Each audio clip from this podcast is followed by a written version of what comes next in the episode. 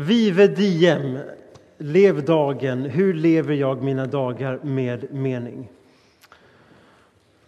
Jag har skrivit som introduktion för er Carpe, så jag har strykit över det så jag istället skrivit ordet vive diem. Carpe diem handlar om att fånga dagen, förlora inte den, missa inte det här tillfället. I det finns många goda tankar, men det finns också ett slaveri i det. Att jag inte ska missa att ta vara på den här dagen. Men ett kristet sätt att se på det, ett gudlikt sätt att se på det, det är att Gud ger mig liv för varje dag. Inte att jag ska finna det, utan att han ger det. Men frågan kvarstår, hur lever jag mina dagar med mening? Jag har ett sorgligt minne i mitt liv som var att jag kommer hem, och jag har talat med min fru, hon, och jag fick berätta det här. Jag kommer hem från mitt arbete som präst i Piteå. Eh, det var ett fantastiskt arbete i kyrkan där. Wow, det var liksom, det positivt på, på många håll. Så kom jag hem lite senare än vad jag hade sagt att jag skulle komma hem. Och hon sitter i soffan där då med lilla Iris då, som var kanske något år gammalt. Så sa hon till mig så här. Det känns inte som att du vill vara med oss, mig och dotter Iris. Och jag sa, vad, vad menar du? Ja, men det känns som att du alltid är på väg hemifrån.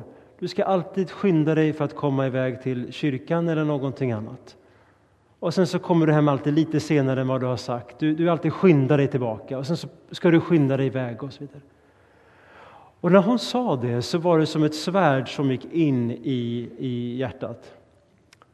Hade jag fått skriva vad jag önskade så hade det varit sist på den önskelistan. Det var en mardrömssituation att hamna i att ens hustru skulle tro och tänka, eller känna i alla fall, det verkar inte som att du vill vara här. Och jag fick prata med henne och vi samtalade om det. Och min mentor sa till mig att du är alldeles upptagen i ditt eget liv. Fastän att det var det sista jag ville. Jag fick också berätta för min fru att vet du vad, det sorgliga i sammanhanget är att när jag är borta hemifrån så tänker jag alltid på att jag vill komma hem. Ingenstans där jag är, är jag närvarande. Vart jag än är, hemma eller borta, så var jag alltid på väg till nästa sak. Det fanns ingen frid. Det här budskapet idag, som jag vill få dela med er, handlar om någonting mycket viktigt om hur kan jag leva där jag är varje dag. Det jag var med om den gången um, trodde jag var mitt bottenmärke. Men det var några trappsteg till vid andra tillfällen i livet. Till slut så kommer man till en punkt där man undrar vad menar egentligen Herren med att vi ska få leva i frid? Vad betyder det att Bibeln säger att när vi blir kristna så kallar han oss in i sin fred?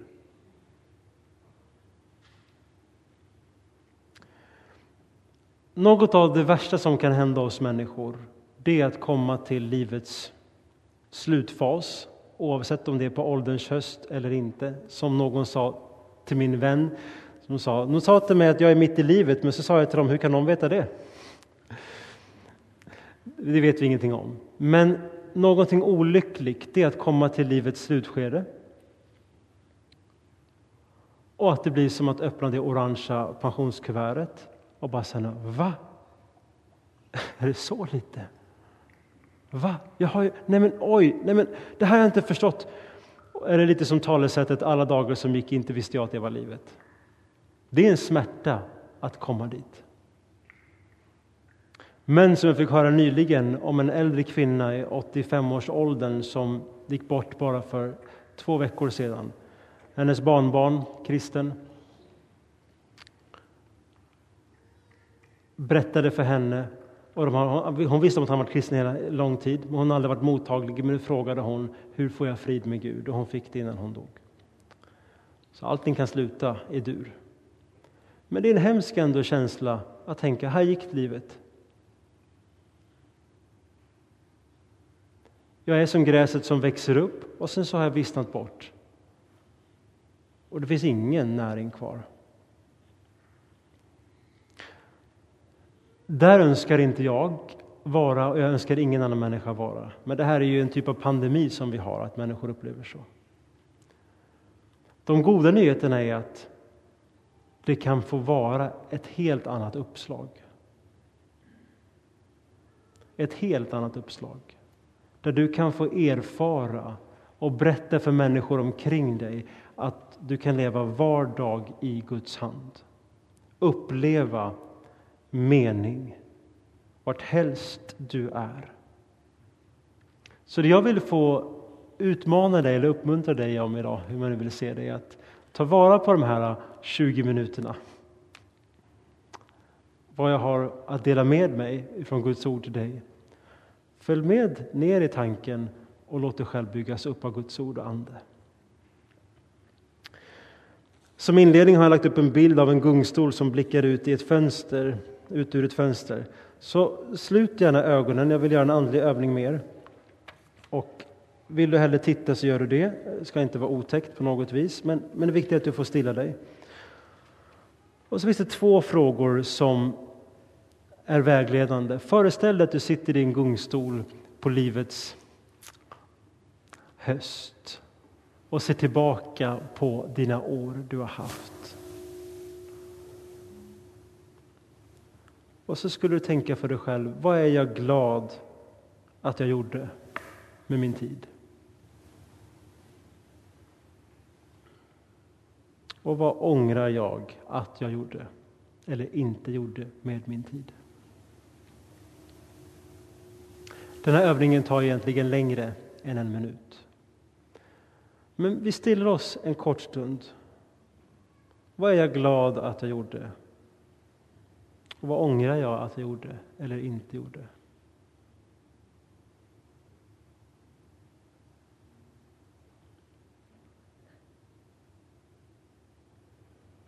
kan ni få öppna ögonen. Jag uppmanar er, eller uppmuntrar er att göra den här övningen i lugn och ro hemma med en dagbok eller på en skogspromenad och så vidare. För de här två frågorna är det som navigerar dig, varje människa, till att ta vara på den tiden.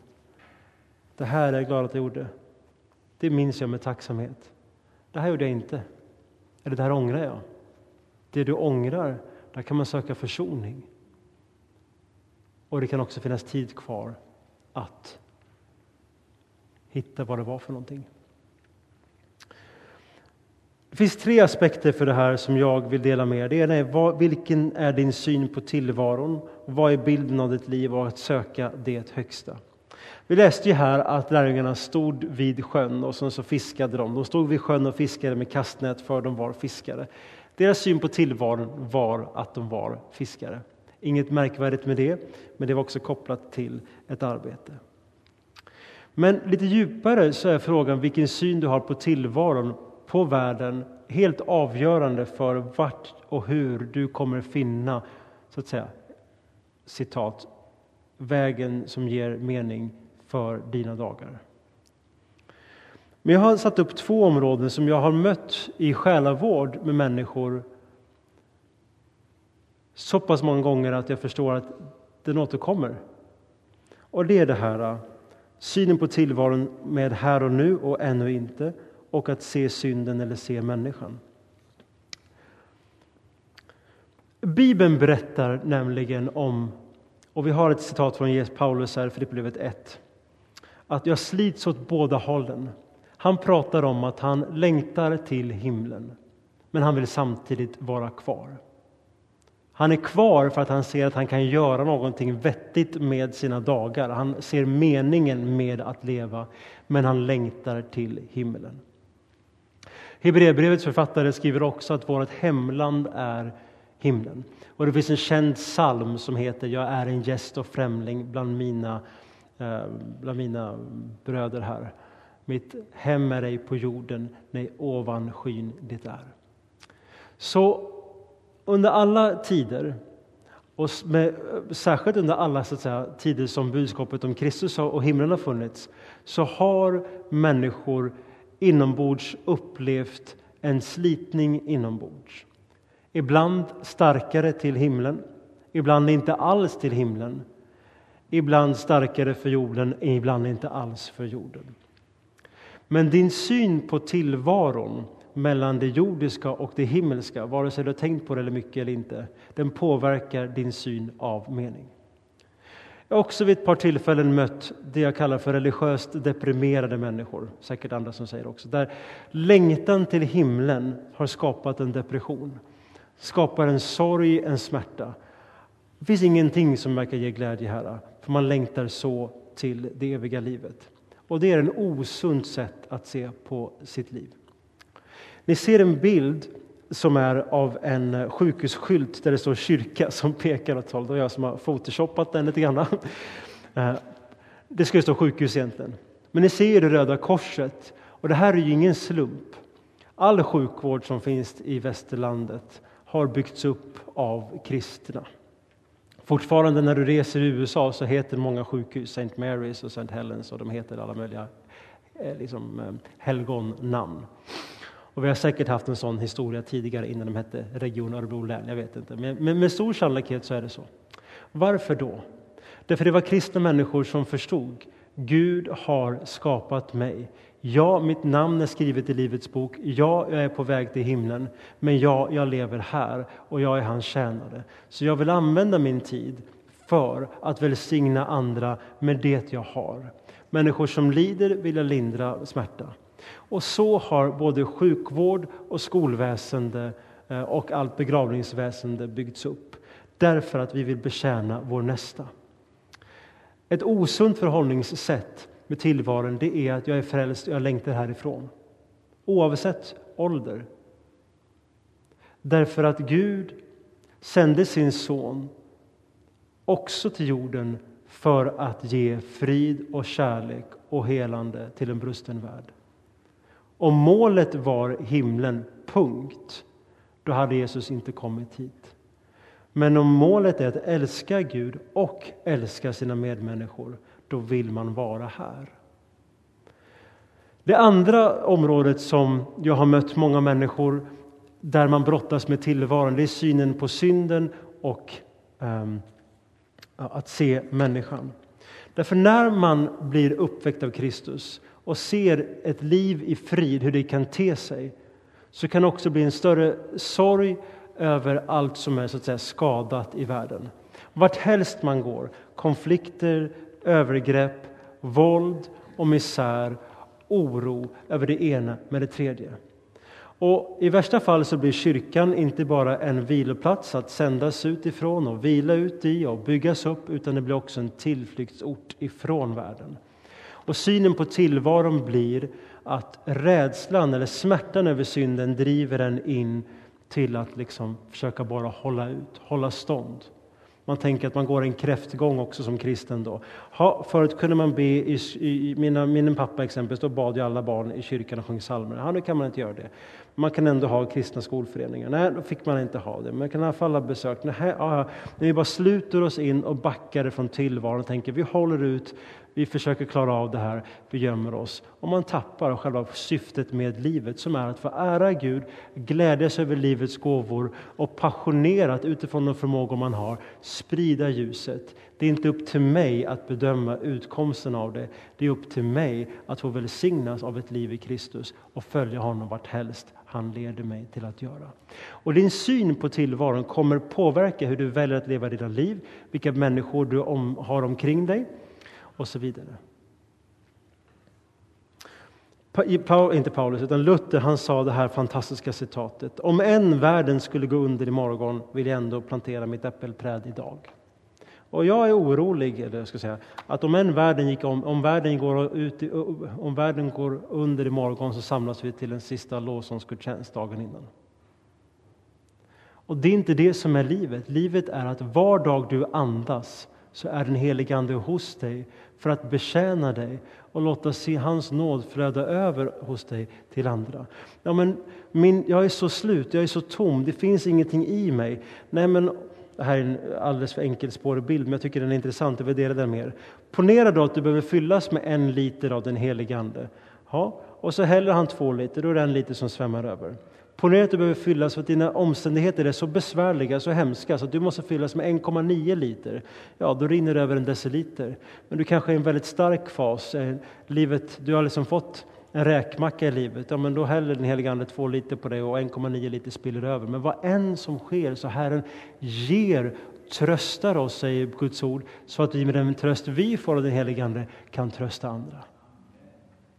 Och till dess du kommer på detta, förstår det löftet, så kommer du alltid vara i behov av mer och mer och mer och mer, och, mer och aldrig kunna säga att han tröstar dig så att. Han tröstar inte bara dig, punkt, utan allting handlar om ett syfte. Och det är nåd att få upptäcka det. Den andra punkten det är, vad är bilden av ditt liv? Det står här att de genast lämnade båten och sin far och följde honom. Uppenbarligen var de redo för att möta livet, vad som än skulle hända. De var lite mer i nuet. När Jesus kom så reste de sig upp och gick. De tog vara på besökelsetillfället. Och jag skriver till er det här kända citatet, lever vi för att jobba eller jobbar vi för att leva? Och jag har funderat på vilket är egentligen rätt svar? På riktigt. Och så talade jag med en vän till mig och så frågade jag, du, jag funderar över det här citatet, alltså lever jag för att jobba eller jobbar jag för att leva? Vad är rätt svar? Jag undrar egentligen. Ja, men är det inte så här Jonas, vi lever för att vara lärjunge? Jag bara ja. Återigen påmind om hur påverkad mitt sätt att tänka är av världen. Medan Kristus har en helt annan plan för mitt liv, ett annat sätt att tänka. Det är därför Paulus skriver när vi blir frälsta så vill han förnya våra tankar. Därför, varför då? Därför att de behöver förnyas.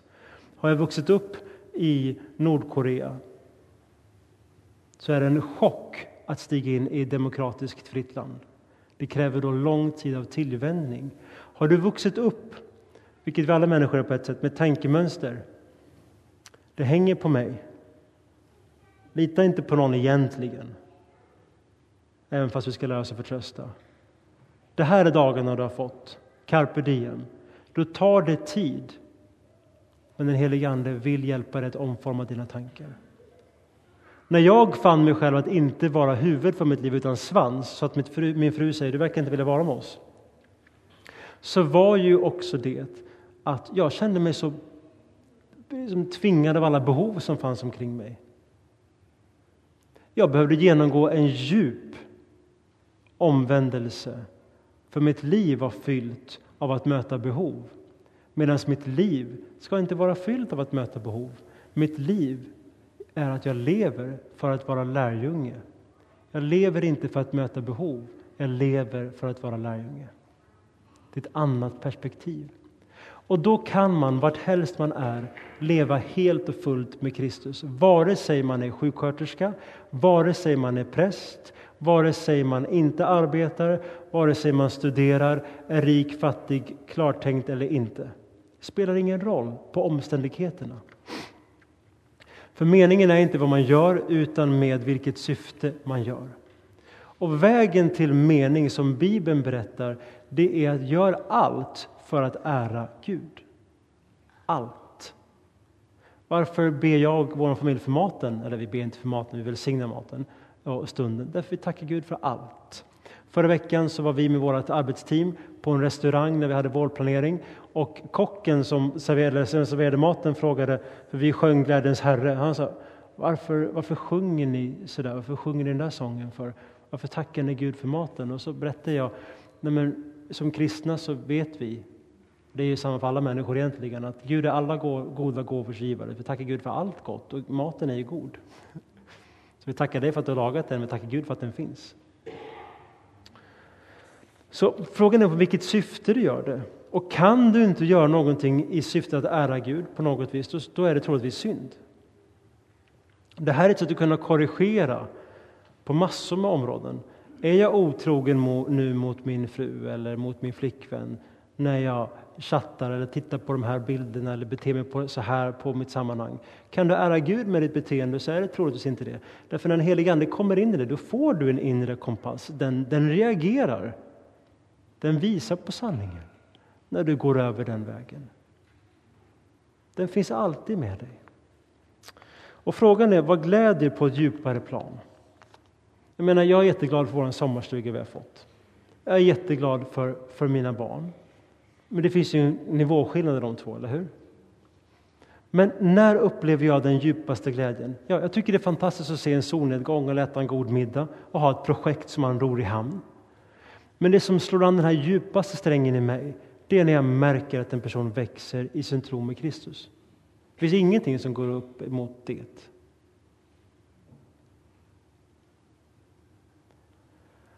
Det är så att säga min mening. Och jag, liksom, Bibeln lyfter fram det som en god mening, men viktigast jag vill säga idag är att hur lever du dina dagar med mening så att du får vara svans och inte huvud?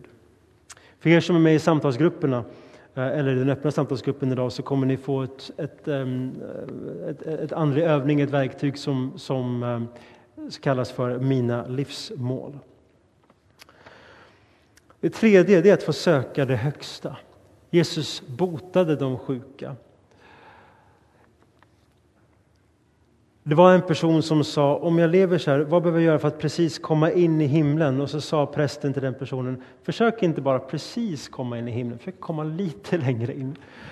Alltså, vi blir frälsta av nåd. Dopet och tron, Gud frälser av nåd, inte för vad jag gör, utan för vem han är. Men det är en nåd att få upptäcka, Gud har lite mer för mig. Han är med mig, jag kan få be om ledning. Jag har en församlingsgemenskap, jag kan få vara med utifrån de önskemål jag har. Jag kan få erfara hur det är att få be det för någon annan. Ta min ekonomi och min tid för att välsigna någon annan. Alltså jag kan ges möjligheten att få leva mer i Guds rikes sätt att tänka. Vi har haft fyra söndagar tidigare om, om det här växthuset och de hänger alla ihop. Och de finns nu både på vår hemsida med de här bladen men de finns också på andra så poddplatser som Spotify och så. Den första handlar om identitet. Vem är jag? Jag är ingen slump. Det andra om Bibeln. Kan jag lita på vad jag handlar om där? Och sen om den helige Ande. Gud är alltid med mig. Sen har vi haft två söndagar nu om tillämpning. Det förra var hur hör jag Guds röst och Guds ledning för mig? Hur får jag utveckla så att säga, Guds hörsel? Och idag är frågan hur finner jag mening? De tre första söndagarna om Bibeln och vem jag är och Andens närvaro bygger vi nu på för att kunna växa. I Bibeln så står det, jag vill ge dig insikt och lära dig den väg du ska gå. Jag vill ge dig råd och min blick ska följa dig. Tänk om det är sant? Den frågan, den tål att tänkas på för var och en av oss. Ingen kan göra det åt dig. Du behöver också finna din väg, om än det finns en stor väg. Så som avslutning så vill jag få läsa en dikt som finns på baksidan av bladet. Skriven av en man som heter Jack London. Den är med i senaste Bondfilmen och råkade också vara med på den eh, första dagbok som min fru gav mig. Jag har översatt den via Google Translate. Den blev ganska bra. Tackar deras AI-utveckling. Men orden är viktiga. Lyssna här. Och ställ dig frågan, vad vill du? Jag skulle hellre vara aska än damm. Jag skulle hellre vilja att min gnista brinner ut i en briljant eld än att den skulle kvävas av torröta. Jag skulle hellre vara en strålande meteor, varje atom av mig i en magnifik glöd än en sömnig och permanent planet. Människans rätta funktion är att leva, inte existera. Jag ska inte slösa bort mina dagar på att försöka förlänga dem. Jag ska använda min tid. Så som avslutning så jag vill visa en väg till hur vi kan leva en dag ur Guds hand snarare än att försöka så att säga, ta tag i dagen. Som vi ber varje söndag i den här kyrkan.